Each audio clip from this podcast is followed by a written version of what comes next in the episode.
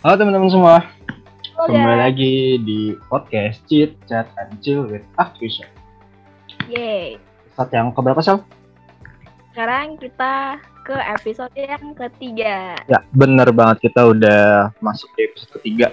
Nah, sebelum kita lanjut ngobrol-ngobrol lagi, kita mau nanya dulu nih, um, gimana kabarnya teman-teman sekalian? Semoga teman-teman sekalian yang dengerin di mana pun berada, semoga selalu dalam keadaan sehat-sehat terus ya Sal ya. Amin. Dan Amin. juga kalau misalnya emang ada temen-temen yang mungkin lagi ngerasa kurang baik-baik aja, semoga Semoga semuanya tetap pulih lagi, cepat pulih lagi kayak gitu. Oke. By the way, ini kita episode ketiga mau bahas apa nih, No? Karena kita bentar lagi udah mau masuk tahun ajaran baru ya, atau mungkin ada teman-teman yang udah masuk tahun ajaran baru, terutama di SMA.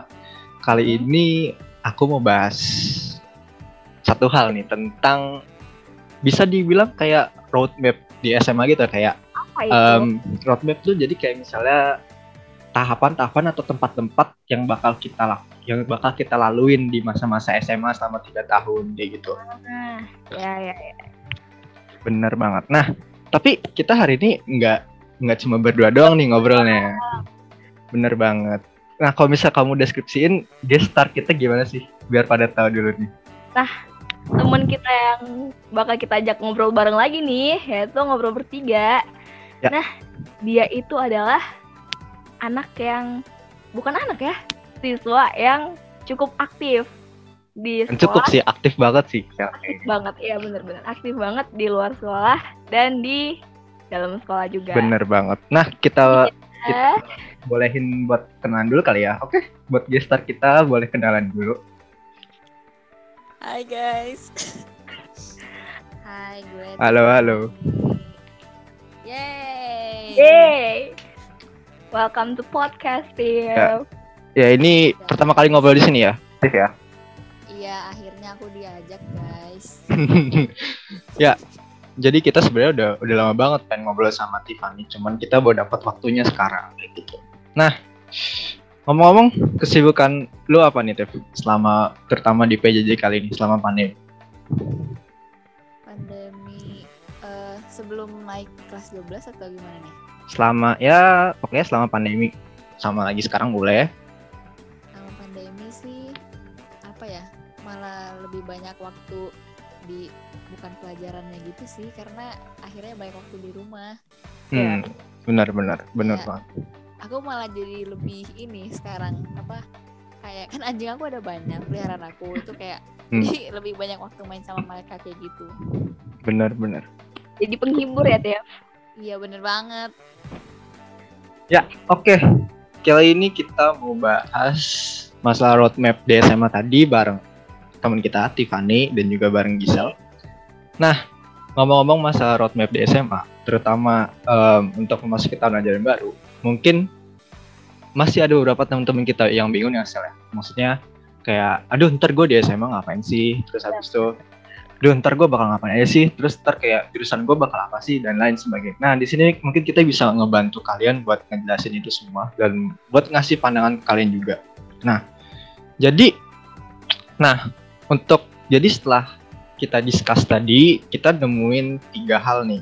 Jadi kita di ketika kita di masa SMA itu kita bakal ngelewatin tiga masa-masa ini. Yang pertama ada apa sih? yang pertama adalah fase kita beradaptasi yaitu Nah. di kelas 10 Nah, benar banget. Nah, jadi apa sih maksudnya tahap adaptasi di di masa kelas 10 ini? Nah, jadi kalau kita bayangin, nah kalau misalnya kalian nih, teman-teman yang dengerin, pas dari SMP masuk ke SMA kan otomatis lingkungannya, lingkungannya beda. beda. Nah, habis itu mulai dari lingkungan yang berbeda, teman-temannya Pelajaran. beda juga. Nah, di sini maksudnya adalah ketika kalian masuk SMA, tahap yang pertama kali akan kalian lewatin adalah tahap adaptasi. Mulai dari lingkungan sekolahnya, lingkungan pertemanannya, habis itu mungkin pembelajaran yang beda, pelajaran yang beda karena seperti yang kita tahu ya, em, ibaratnya gini, pernah kalian ngerasain gak sih kalau di selama SMP IPA sama IPS itu kan masih nyatu gitu kan? Iya. Kayak misalnya fisika, kimia, biologi itu masih nyatu, IPS itu sejarah, geografi, terus sosiologi itu masih nyatu. Nah, tapi kalau di SMA itu kan misah tuh. IPA-nya, fisika, kimia, biologi bisa, terus di IPS-nya itu geografi, eh, habis itu sosiologi yang bisa gitu. Nah mungkin di sini juga nih tahap adaptasinya biar kalian nggak nggak begitu kaget sampai terkelas 12 kayak gitu. Nah kita mau nanya nih, kalau buat Tiffany sendiri pas kelas 10 itu tahap adaptasinya gimana sih? Parah sih. Kalau tahu adaptasi gue di SMA, itu benar-benar ancur-ancuran banget pas kelas 10. Kenapa tuh hancurnya? Karena karena kan gue tuh di sekolah sebelumnya itu benar dari TK ya, dari TK sampai SMP di satu sekolah. Jadi swasta. sepuh ya? iya terus sebenarnya bukan masalah pelajaran sama teman-teman eh, salah satu ini juga ngaruh banget ke gue. Guru-gurunya beda banget. Karena di sekolah lama tuh belum kayak dimanja gitu ngerti gak sih? Ya, Hmm, iya iya iya. bukan bukan jadi anak yang dewasa gitu. Bener-bener eh, terlalu ketergantungan kayak gitu loh. Hmm, Iya, gitu Kayak gitu. tahu nggak sih hari pertama MPLS aku pulang bahkan pas MPLS-nya pun itu aku kayak sering lihat ke atap karena aku nahan nangis demi apa pun sih Enggak enggak, tar dulu MPLS nangis. Oh, enggak, tar dulu. Iya. MPLS kan harusnya kita senang-senang kan karena kita punya lingkungan baru, punya Tuhan baru. Kenapa lu bisa kayak agak-agak sedih gitu? Kenapa? ya kan kayak kaget banget dong Nu soalnya kan biasanya tuh orang sedikit ya di sekolahku terus ini tiba-tiba rame banget kanan kiri bayangin aja lu kanan kiri nggak kenal siapa-siapa kan ya, maksudnya kayak ada Ah, shock iya, gitu iya, iya. dong Iya Hmm, betul iya, iya. betul betul. Bener-bener. Eh tapi emang pas lu SMP satu angkatan udah berapa? Satu angkatan itu ada 20 dong 20 berarti sama aja kayak kayak sekarang kita satu kelas ya satu 20 ya? kelas iya satu Iya, kelas. bener-bener. Kebayang banget. Pasti kaget ya, 20 kaget ya. IPS. kaget banget bener kaget banget pulang-pulang aku juga nangis Oh. kayak masih susah menerima Wow. Agak lucu ya, tapi ya oke. Nah, kalau kalau kalau Gisa sendiri gimana nih? Pertama kali masuk di sekolah, Nah kalau aku nih beda nih dari Tiffany. gimana Apa tuh beda? Aku kan gak ikut MPLS kan. Aku tuh Hmm, masuk seminggu setelah MPLS. hmm, iya iya. Masuk nih sekolah, naik tangga ke lantai dua, depan Ngapain? pintu.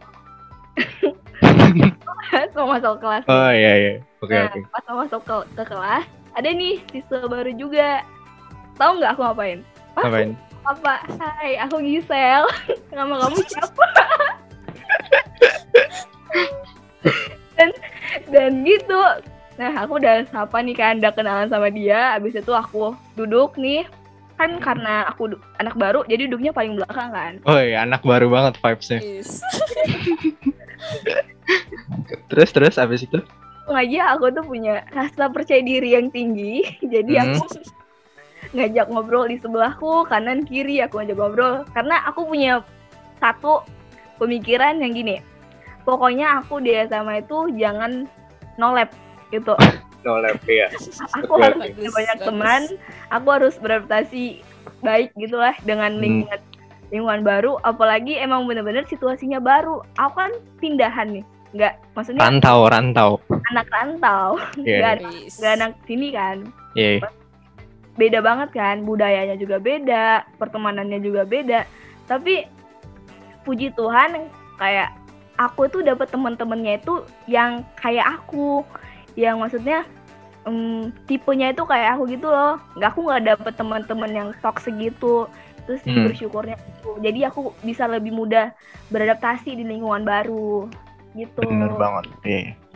Masuk akal, masuk akal. Nah, ngomong-ngomong masalah adaptasi, kita kan tadi udah ngomong masalah lingkungan. Sama mulai dari lingkungan sekolah sama lingkungan pertama. Nah, ini masih ada sangkut pautnya sama adaptasi. Nah, apa sih yang bikin kalian itu, terutama Tiffany sendiri, milih jurusan yang kalian pilih sekarang? Kita tanya dulu aja kayak, kalau lu Tiff, apa sih jurusan lu sekarang? apa jurusan SMA jurusan aku IPS Ya, kenapa alasannya milih jurusan IPS? sebenarnya awalnya gini jadi papaku sama abang aku IPA ya Hmm. mamaku Oke. IPS sendiri Biar ada temen ya? biar ada temen tapi aku juga mikirnya karena pas SMP kayak pas tahu kan masa-masa mau UN gitu emang aku bener- bener-bener nggak suka banget IPA kayak gitu Bener. Ya, ya. Bener, bener. Sama, sama. Kayak gitu sih sebenarnya. Eh tapi makin lama dijalanin makin yakin gitu loh. Karena kayak seru banget dan ternyata luas banget gitu. Bener. Nah, tapi lu pernah dengar gak sih anggapan kalau aduh jangan masuk IPS dia udah kedaknya bandel ah jangan, jangan masuk IPS lah terus. Nah tanggapan lu gimana tuh? Kalau udah ngerasain nih di kelas IPS sekarang. Hmm, gimana ya? Sebenarnya ada benernya tapi belum berarti yang di IPA tuh nggak ada yang nakal nggak ada yang bandel juga gitu loh. Iya Just bener. tergantung orangnya sih. Bener banget bener banget. Oke oke. Oke sekarang kita beralih ke Gisel. Nah kalau Gisel jurusannya apa sih? Oh, aku itu anak IPA, Bro. Wih, Science. ambis ambis banget nih. Enggak lah. kenapa kenapa kamu milih IPA kenapa akhirnya be- memutuskan untuk milih jurusan IPA Jadi gini, hmm, aku emang dari SD, SMP emang suka pelajaran IPA kan. hmm. Em, apalagi yang ke hitung-hitungan, matematika aku suka gitu. ya Dan nilai sejarahku, nilai IPS-ku dari SMP itu pasti deket-deket KKM terus. Gak tau Hmm. kenapa, apalagi pas belajar sejarah tuh. Jadi ya udah, kakak aku juga kan anak IPA. Jadi aku ya udahlah anak IPA aja kayaknya seru gitu. Apalagi pas daftarnya nih, em, orang tua aku langsung kayak gak nanya ke aku pengen jurusan apa gitu, gak nanya. Mereka langsung daftarin ke IPA ya gitu. Untung aja pas sama aku. Kalau enggak gimana? kayak gitu. tapi tapi kok kita bertolak belakang ya maksudnya kalau kamu bilang selama SM apa kamu tuh nger- eh, di mata pelajaran sejarah yang pokoknya berubah IPS tuh selalu dari kecil tapi kenapa kita gue balik ya maksudnya aku dibilang hitung-hitungan bisa tapi entah kenapa kalau udah berbau-bau IPA tuh nggak bisa gitu loh nggak tahu ya. Nggak tahu ya kenapa. Kayak misalnya dari SD nih dari SD itu bau yang berbau-bau fisika kimia biologi tuh selalu kecil gitu. Dan emang pas UN anjloknya tuh di, di IPA gitu. Ya ya ya. Tapi makanya jago. bisa bukan jago. Bisa sama jago beda ya. Tolong tolong ya biar nggak ada salah persepsi. Nah, makanya makanya makanya pas pas aku masuk di SMA itu tuh debat dulu nih debat Sama siapa? sama sekolah guru. Ah ya. jadi aku pengennya IPS Hmm. kenapa? Karena aku udah ada udah ada pandangan nih. Di SMA bakal sibuk. Di SMA bakal sibuk. Karena aku punya visi misi mau jadi ya ini agak gila dan agak sombong sih tapi ya udah. Di SMA aku pengen dapet gelar atau prestasi lulusan terbaik. Jadi mau sibuk gitu karena di SMP pernah gagal gitu lah maksudnya kesel karena udah aktif sana sini aktif masuk aktif lomba tapi nggak dapet siswa berprestasi sama sekali. Jadi di SMA mau lebih aktif gitu. Nah udah punya pandangan kayak itu. Nah aku mikirnya setelah ngeliat anak-anak yang masuk di sekolahku itu wah ini kayaknya bakal gila-gila semua nih anak-anaknya maksudnya gila itu dalam artian kata bakal saingannya banyak gitu loh. Iya. Akhirnya aku mikir kalau aku masuk IPA peluangnya kecil. Ah. karena ya susah susah. Udah udah nggak tahu punya pandangannya kayak kalau pandangannya tuh kayak kalau gua masuk IPA bakal susah nih saingannya gitu. Akhirnya memutuskan untuk masuk IPA gitu karena itu eh, masuk IPS sorry sorry masuk IPS karena satu biar saingannya agak lebih Iya. agak lebih ringan terus habis itu bisa lebih nyantai dikit. Karena pelajarannya nggak nggak begitu susah. Karena kan kalau IPS kan ya kita lebih ke mantau lingkungan sekitar aja kan kayak update update Bener-bener. aja gitu.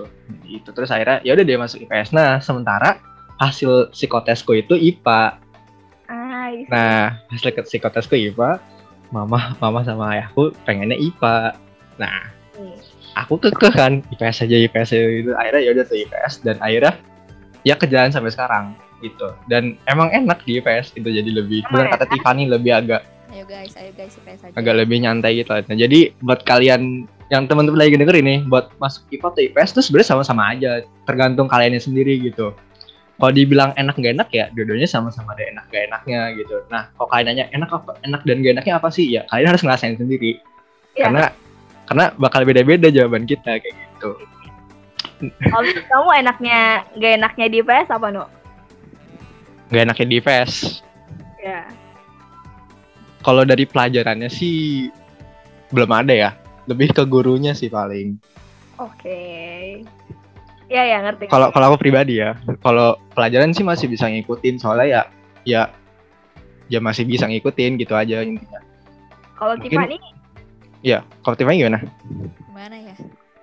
Sama sih kayak kalau misalnya pelajaran IPS tuh anaknya bisa eh lebih gampang dipahami gitu sih. Cuman kalau misalnya masalah sekarang sih gurunya susah dapat yang cocok gitu. Benar, benar. Kayak Kalau ibarat kalian gimana? kenapa?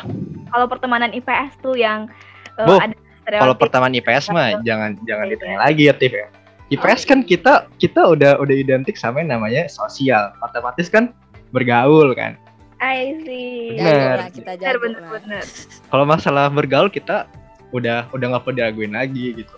Cuman ya maaf maaf aja kalau misalnya sering sok kenal sok dekat. Habis itu habis habis itu sering kayak ya pokoknya mungkin agak-agak bandel dikit, agak-agak pecicilan dikit ya maklum lah anak IPS. Cuman kalau bilang anak IPS semua bandel enggak, anak IPS semua aktif enggak. Ada aja yang no lab ada gitu.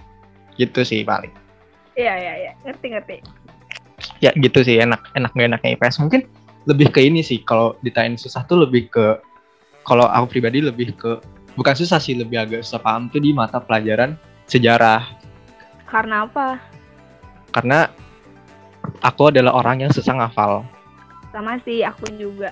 jadi kadang harus sambil dengerin cerita gitu jadi gurunya jadi bener kata Tiffany maksudnya kita kadang susah nyari guru yang cocok gitu loh Iya bener bener bener bener. kadang tuh cuma kayak teori teori teori teori tugas kelar. Kitanya susah nangkepnya gitu loh. Padahal sebenarnya sejarah itu seru kalau seru seru seru. video ilustrasi gitu kan. bener bener. Ya, seru seru.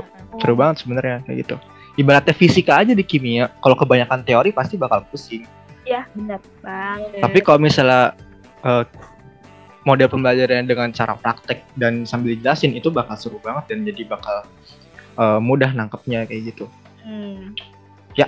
Nah, kita kan udah udah bahas detail nih masa adaptasi. Jadi adaptasi itu mulai dari lingkungan sekolahnya, lingkungan pertemanannya, terus abis itu mungkin sama pembelajarannya. Nah, kita lanjut ke tahap selanjutnya. Oh ya, untuk adaptasi ini biasanya kalian bisa ngerasain atau bakal ngelakuin di kelas pas 10. kalian masuk kelas 10. Jadi awal-awal banget nih adaptasi gitu.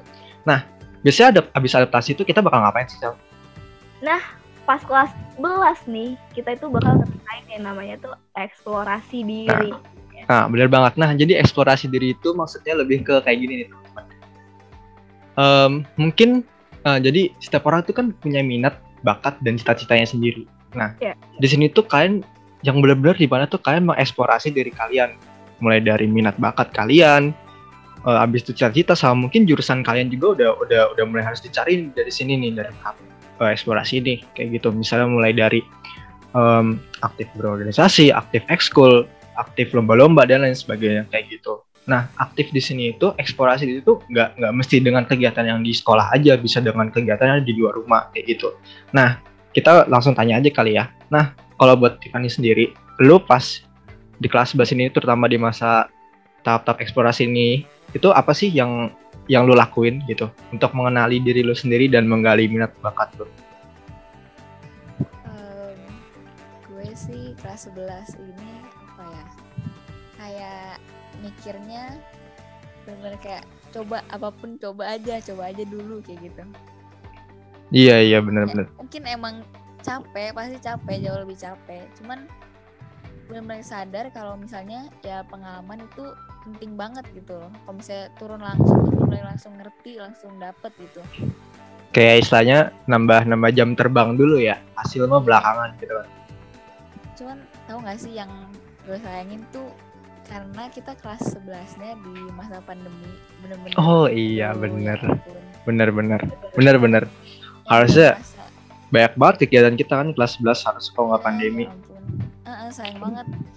Padahal harusnya tuh bener-bener masa aktifnya nggak bisa diem sama sekali. Kita aja online aja nggak bisa diem, apalagi kalau misalnya offline tadi ya bayangin. Bener banget, bener bener. Pasti bakal seru banget sih.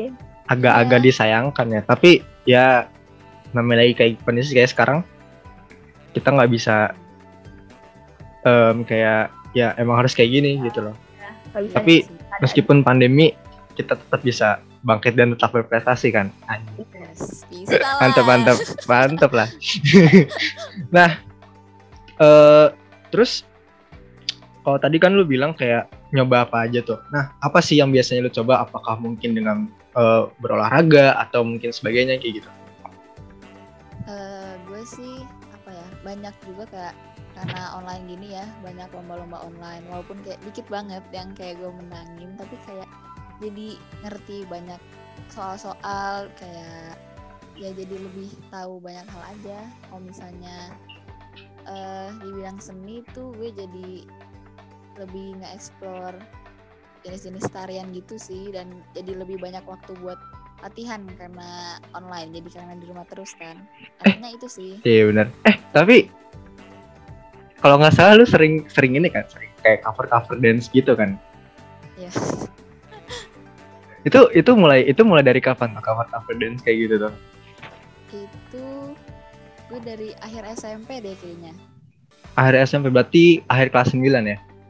iya heeh. Kenapa Iya. kenapa kenapa lu sampai kepikiran kayak sampai kepikiran buat nyoba nge-cover dance kayak gitu? dan ngepost di Eh. Instagram. Bener. Kadang kan soalnya kan gini kan, Sel. Orang ngepost video aja, presentasi di kelas aja deh itu kan biasanya malu-malu gitu kan. Iya. Ini ini dia sampai nge-cover dance di mana literally dia benar-benar gerak. Terus di post di Instagram dengan sepede Wow. itu. Nah, itu sekali apa ya, tuh? Banu. motivasinya apa tuh?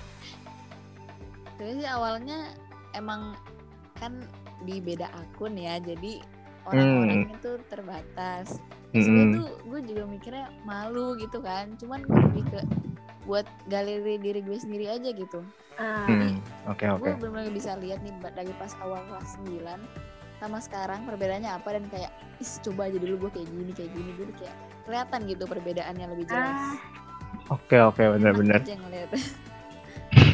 Eh tapi kalau gue boleh nanya, lu masih inget gak coveran dance pertama lu yang pertama kali lu post?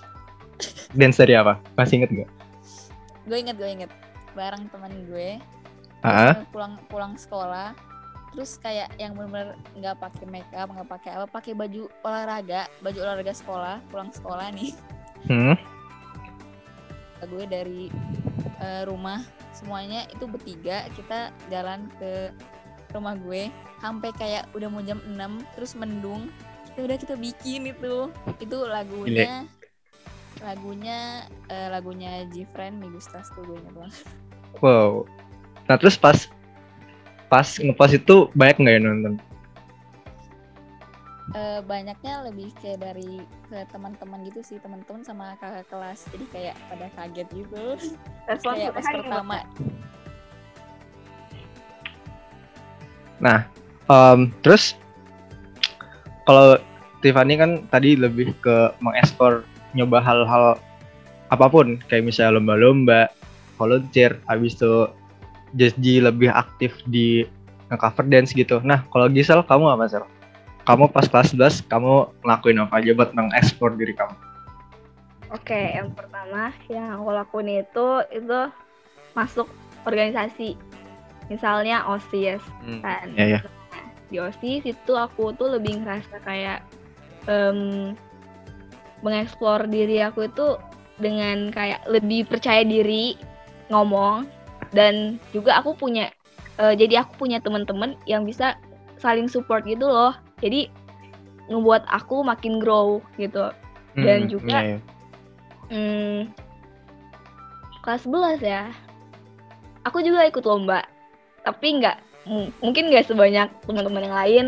Aku juga eh, lombanya itu nggak nggak online gitu, cuman pas FLS 2N misalnya atau KSN atau lomba-lomba dari universitas-universitas gitu. Sama kayak Tiffany, Eh, yang menang itu dikit banget, tapi setidaknya aku itu makin mengenal apa yang sebenarnya aku tuh suka apa aku mengenal apa yang sebenarnya aku tuh oh aku ada talenta nih di sini gitu Eh, banget.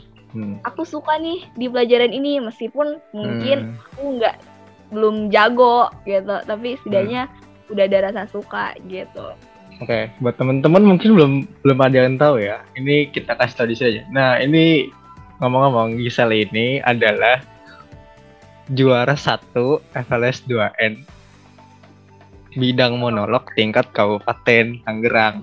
Yay.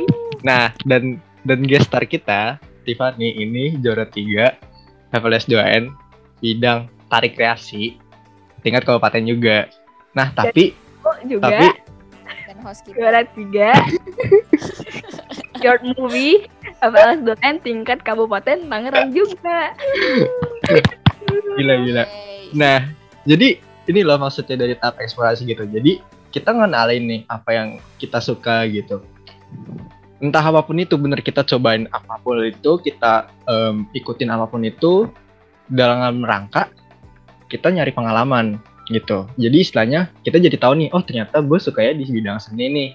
Oh ternyata gue senengnya di bidang akademik nih. Oh ternyata gue senengnya di bidang olahraga nih kayak gitu. Jadi kita selain nyari selain selain kita ngegali minat bakat kita kita juga bisa jadi kita itu itu bisa jadi model buat kita nih buat eh, kita eh, berprestasi gitu kayak tadi misalnya kamu di bidang monolog Tiffany di bidang tari gitu nah habis itu ini juga jadi bisa modal kita nih buat ntar ke perguruan tinggi nanti gitu karena di sinilah mental kita tuh dibentuk kayak tadi tuh misalnya Tiffany ngepost cover cover dance nah itu kan otomatis kan ngelatih mental dia kan Ya benar. nah Iya. Nah, Gisel ikut organisasi otomatis kan ngelatih public speaking dan mental juga. Nah, jadi di sini tuh benar-benar dilatih semuanya tuh mental, public speaking, minat bakat kalian. Nah, itu tuh semuanya bakal digali di sini. Nah, biasanya mungkin ini aku yang ngerasain atau mungkin teman-teman juga ngerasain juga.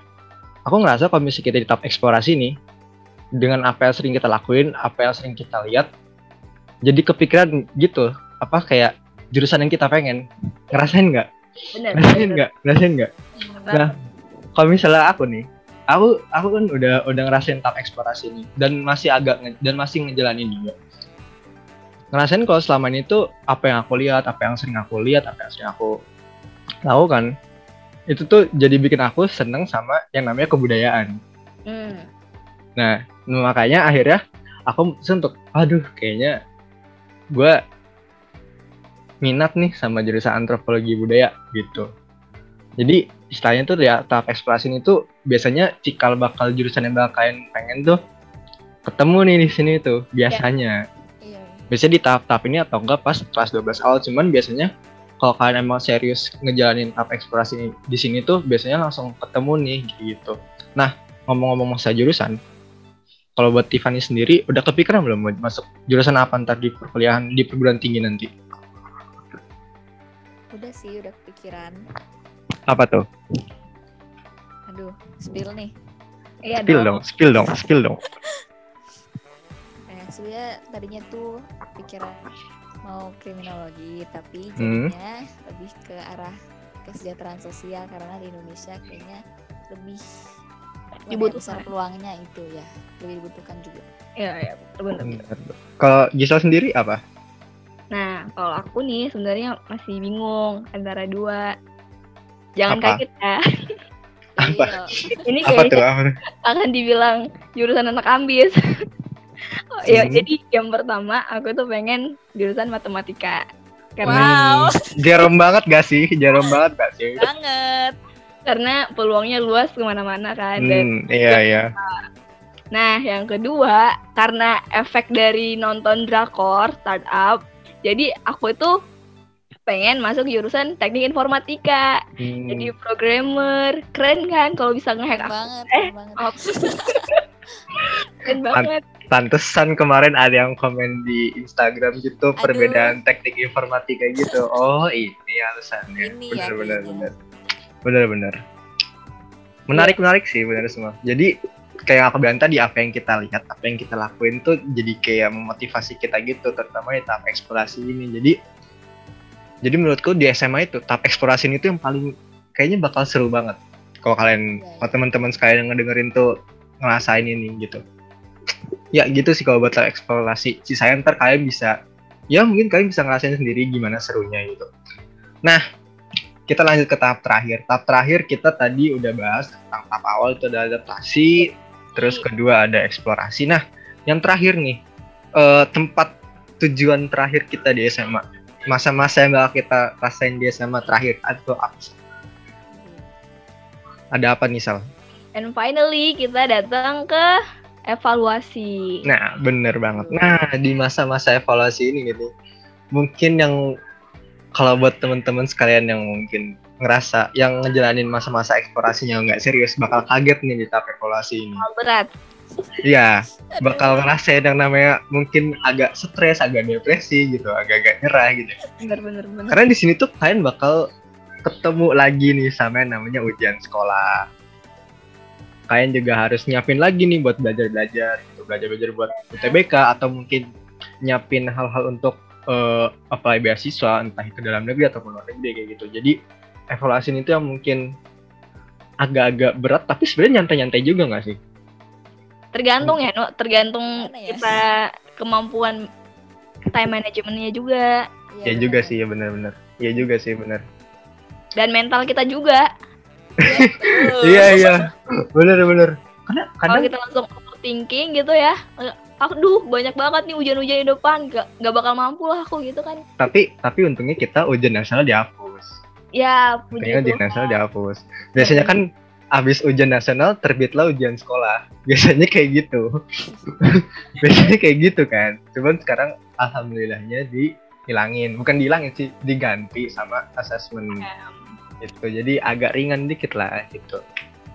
Ya, Ya. gitu sih. Nah, terus karena kita lagi ngejain tahap-tahap evaluasi ini baru memas baru memasuki tahap evaluasi ini.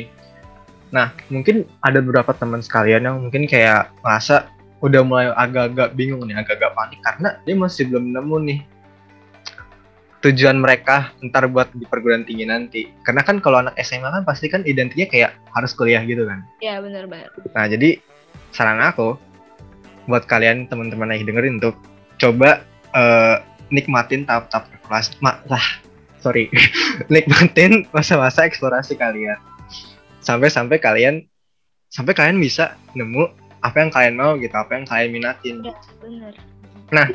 kalau buat Gisel sama Tiffany sendiri udah mantep belum sih sama tujuan kalian ntar buat di perguruan tinggi nanti Waduh. Hmm, 70% udah mantep sih. 20% oke kalau Tiffany sendiri Gimana ya? Sebenarnya kan masih belum nih masuk. Bentar lagi ya masuk ke tahap kelas 12, tapi hmm apa ya? Belum ada apa-apanya sih aku bilang karena masih di awal aja aku udah kena mental kayaknya. karena mungkin mungkin karena udah agak efek-efek kaget dari sekolah offline jadi online gitu kali ya jadi agak Iya, mempengaruhi juga kali ya bener-bener bener. ya begitu sih teman-teman kalau buat di SMA itu nah mungkin sebenarnya nih tahap evaluasi ini tuh sebentar lebih sebentar dari tahap-tahap dari tahap-tahap yang lainnya dari adaptasi dan eksplorasi gitu iya. jadi em, istilahnya tinggal kalau di game tuh ibaratnya lawan raja terakhir gitu lah. Nah kalau kalian udah kalau kalian udah udah udah ngelewatin tahap ini udah bebas. Iya, Tinggal lanjut ke level selanjutnya. Tinggal lanjut ke level selanjutnya kayak gitu. Nah jadi tapi em, aku bisa bilang kalau mungkin ini impian semua orang sih untuk lolos di perguruan tinggi jalur seleksi rapot. Nah, cuman aku bisa kasih saran ke teman-teman sekalian buat coba cicil belajar buat UTBK. Iya, jangan Nah. terlalu berharap ke Bener. Karena MPTN. ibaratnya SNMPTN itu atau jalur undangan seleksi rapot itu ibaratnya hoki-hokian. Iya, kita tuh nggak tahu pasti penilaiannya itu dari mana karena Bener. banyak yang dinilai. Banyak banget faktor-faktornya. Nah, Hmm. terus juga kayak apa ya? Em, kayak misalnya nih teman kalian mungkin yang eh, mungkin teman-teman sekalian punya teman yang mungkin dia tuh di kelas tuh top 3 terus satu pucuk terus lah di peringkat satu terus lah itu belum tentu dia bakal lolos seleksi rapot nah Bener. jadi Mm-mm. bener nggak sih Ba- udah kayak udah banyak banget kan contohnya Iya. kan kakak kelas kita aja banyak yang kayak gitu Mm-mm. ya kan nah jadi saranku di tahap di kelas 12 mumpung masih kelas 12 mumpung masih kelas 12 awal masih di, ing- di- masih di awal-awal mau masuk ke tahap evaluasi sambil nyicil-nyicil belajar nih karena dengan kalian belajar UTBK itu kalian juga sambil mengevaluasi diri kalian kurangnya di mana mungkin selama kalian kelas 10 dan kelas 11 itu eh, masih ada yang kurang pelajarannya mungkin masih ada nilainya yang kurang grafiknya turun. Nah di situ tuh kesempatan kalian buat ngebenahin itu semua biar persiapan kalian jauh lebih matang ntar buat UTBK jadi istilahnya kalau misalnya amit-amit kalian nggak lolos SNMPTN kalian udah udah siap-siap nih. Oke gue udah ada UTBK gue udah siap tinggal kerjain seret seret seret seret selesai. Gitu. Jadi Jangan Iya, nunggu, jangan belajar UTBK setelah nunggu kalau nah SNMPTN-nya gagal. Karena UTBK itu persiapannya harus panjang, Bro. Yang Bener. sekarang aja belum tentu bisa lolos. bener banget karena belajar. UTBK itu soalnya kayak soal HOTS gitu karena Iya. dia ada ada ada dua tipe soal ada HOTS sama LOTS gitu HOTS itu kayak high other thinking skill sama LOTS itu lower other thinking skill jadi meskipun lower tapi ya masih susah gitu Mm-mm. gitu loh. Jadi saranku ya kalian juga sambil cici belajar atau mungkin juga bisa sambil nyiap nyiapin hal-hal lain gitu. Misalnya eh, pengayaan untuk pelajar mata pelajaran apa mata pelajaran apa kalau misalnya grafiknya masih turun kayak gitu dan sebagainya. Kayak gitu sih untuk tahap tahap evaluasi gitu. Jadi bisa disimpulkan kalau di tahap evaluasi ini teman-teman em, waktu untuk mainnya itu waktu untuk nongkrong-nongkrong sama temennya itu benar-benar harus dikurangin. Ya karena harus ada dikurangin yang dikit. lebih karena penting. karena emang harus ada yang diprioritasin gitu. Ya. Maksudnya main eh, main boleh. Maksudnya eh, main maksudnya ngelakuin aktivitas kayak biasanya tuh boleh misalnya main sama temen atau mungkin nongkrong juga sebagainya boleh tapi harus agak dikurangin. Karena segala sesuatu itu mau itu hal baik sekalipun harus ada yang dikorbankan untuk tujuan kita bener banget. Baru 2021 tolong dikasih di sini ya di bawah. ya gitu teman-teman kayak ibaratnya em, aku sedang badminton nih. Nah, Ya. Tapi di tahap evaluasi ini tuh aku harus ngerelain badminton. Jadi yang biasanya seminggu bisa lima kali atau seminggu full itu cuma setiap Sabtu doang. Hmm. Jadi sisanya itu kayak belajar belajar atau mungkin ngelakuin hal lainnya gitu yang jauh lebih penting kayak gitu. Ya olahraga penting cuman ini kan harus ada prioritasin kayak gitu. Jadi ya harus ada dikorbanin lah sedikit gitu. Aduh. Ya berapa lama kita ngobrol? Udah jam 12. Oke kalau kalian ini dengerin pagi-pagi kalian harus tahu kalau kita tuh nge-record dari jam 11. Sekarang udah jam 12, otomatis kita ini durasi satu jam jadi nggak apa ya temen-temen dengerin satu jam. ya Ini episode ketiga temen ngobrol baru, durasi baru. Ya, tambahin lagi. Baru 2021. ya, teman-teman, eh, mungkin segini aja bisa kita kasih. ngobrolin Ya, kita kasih. Emang permen apa dikasih? Yang bisa kita obrolin di tema kali ini tentang manfaat Ya benar, semoga obrolan kita tentang roadmap di SMA kali ini bisa ngebuka pandangan teman-teman sekalian yang mungkin mas, yang mungkin baru akan memasuki boros gak sih kata-katanya? Yang baru akan mungkin yang mungkin akan memasuki ya yang yang inti ya intinya tuh baru masuk SMA lah gitu.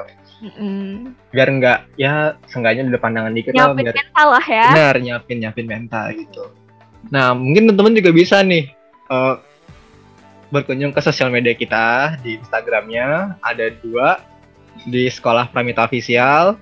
Oh ya tiga ada sekolah Pramita Official terus OSIS SMA Pramita sama OSIS SMA Pramita OSIS SMP Pramita nah kita juga ada channel YouTube nih Sel apa Sel judulnya channelnya sekolah Pramita official Nice banget. Yeay. Sekolah Pramita Official. Nah, buat teman-teman sekalian, bisa nih boleh banget berkunjung ke sosial media kita buat lebih tahu sekolah kita lebih jauh. Mulai dari uh, kegiatannya, mulai dari juga tenaga pendidik dan staff, ekstrakurikuler, komunitas, organisasi dan lain sebagainya. Kayak Iya. lengkap banget dah di situ dah, udah berkunjung aja. Ya. Ada tambahan Kak Tiffany? Waduh. Gak ada sih. Ya, salam, intinya. salam buat teman-teman Kenapa? Tiffany salam buat teman-teman sebagai itu tamu baru di sini Eh, Oh iya. Semoga saya diundang lagi ya guys. Jangan Nah, mungkin- ya. Ya boleh boleh jadi mungkin kita bakal ngajak Tiffany lagi buat episode selanjutnya. ya Nah buat teman-teman mungkin yang boleh request nih eh, kalau misalnya kita mau ngobrol apa nih di episode selanjutnya bisa langsung DM di Instagram kita tadi osis saya Pamita. Nah mungkin segini aja yang bisa kita obrolin buat teman-teman semua karena kita masih di kondisi pandemi. Iya. banget selalu jaga kesehatan. Patuhi protokol kesehatan yang ada, please ini mah please banget. Gua mau sekolah, please jangan bandel. Gua mau sekolah. banget. Ya, please banget ini mah. Bukan gue doang, tapi banyak banget banyak banget yang mau kerja di kantor lagi, banyak banget yang mau kuliah di kampus lagi. Please banget kita, ayo kita kerjasama, kita eh, support rame Bener bener bener. biar semuanya itu balik lagi karena rumor aja katanya PPKM mau diperpanjang 6 minggu kan. Aduh, Sampai Agustus. mau jadi apa kita di rumah? Hey, tolong. Bener pak. Ya, jadi tolong stay safe, tolong, tolong jaga kesehatan teman semua. Kalau misalnya emang urgent banget buat keluar, tolong protokol kesehatannya diterapin masker double, Yap. hand sanitizer selalu pakai. Ya. Terus sempetin buat berjemur juga kalau perlu setiap pagi. Ya jam berapa sih kira-kira ya enaknya buat Dari jam 8 sampai jam 11. Nah, Nah, iya. durasinya itu eh 10 sampai 15 menit doang. Bener Yang banget. kebanyakan juga. Berjemur di bawah matahari itu jauh lebih efektif daripada kalian harus borong-borong tuh susu beruang. Parah parah parah parah. olahraga juga hei olahraga Ya, olah, iya olahraga olahraga simple aja di rumah. Push up, sit up, guling-guling di kasur juga bisa. Itu kayak gitu. Jadi nggak nggak usah yang harus panik-panik gitu lah, nggak usah sampai yang kayak gitu. Simple-simple aja kayak gitu. iya Ya, benar banget. Jadi semoga pandemi cepet selesai dan kita bisa sekolah lagi. Amin. Ya, semuanya pokoknya bukan sekolah doang sih semuanya. Mall, tempat main, tempat makan, universitas, kantor dan sebagainya pokoknya itulah. Ya teman-teman, makasih yang udah ngedengerin. Makasih juga buat Tiffany udah hadir di episode 3 kali ini. Nih. Jangan kapok buat buat buat misalnya kalau kita mau undang lagi jangan kapok. ya, makasih buat teman-teman semua sekali lagi ya. Sampai jumpa di episode selanjutnya. Bye bye. Bye. Thank you. Bye,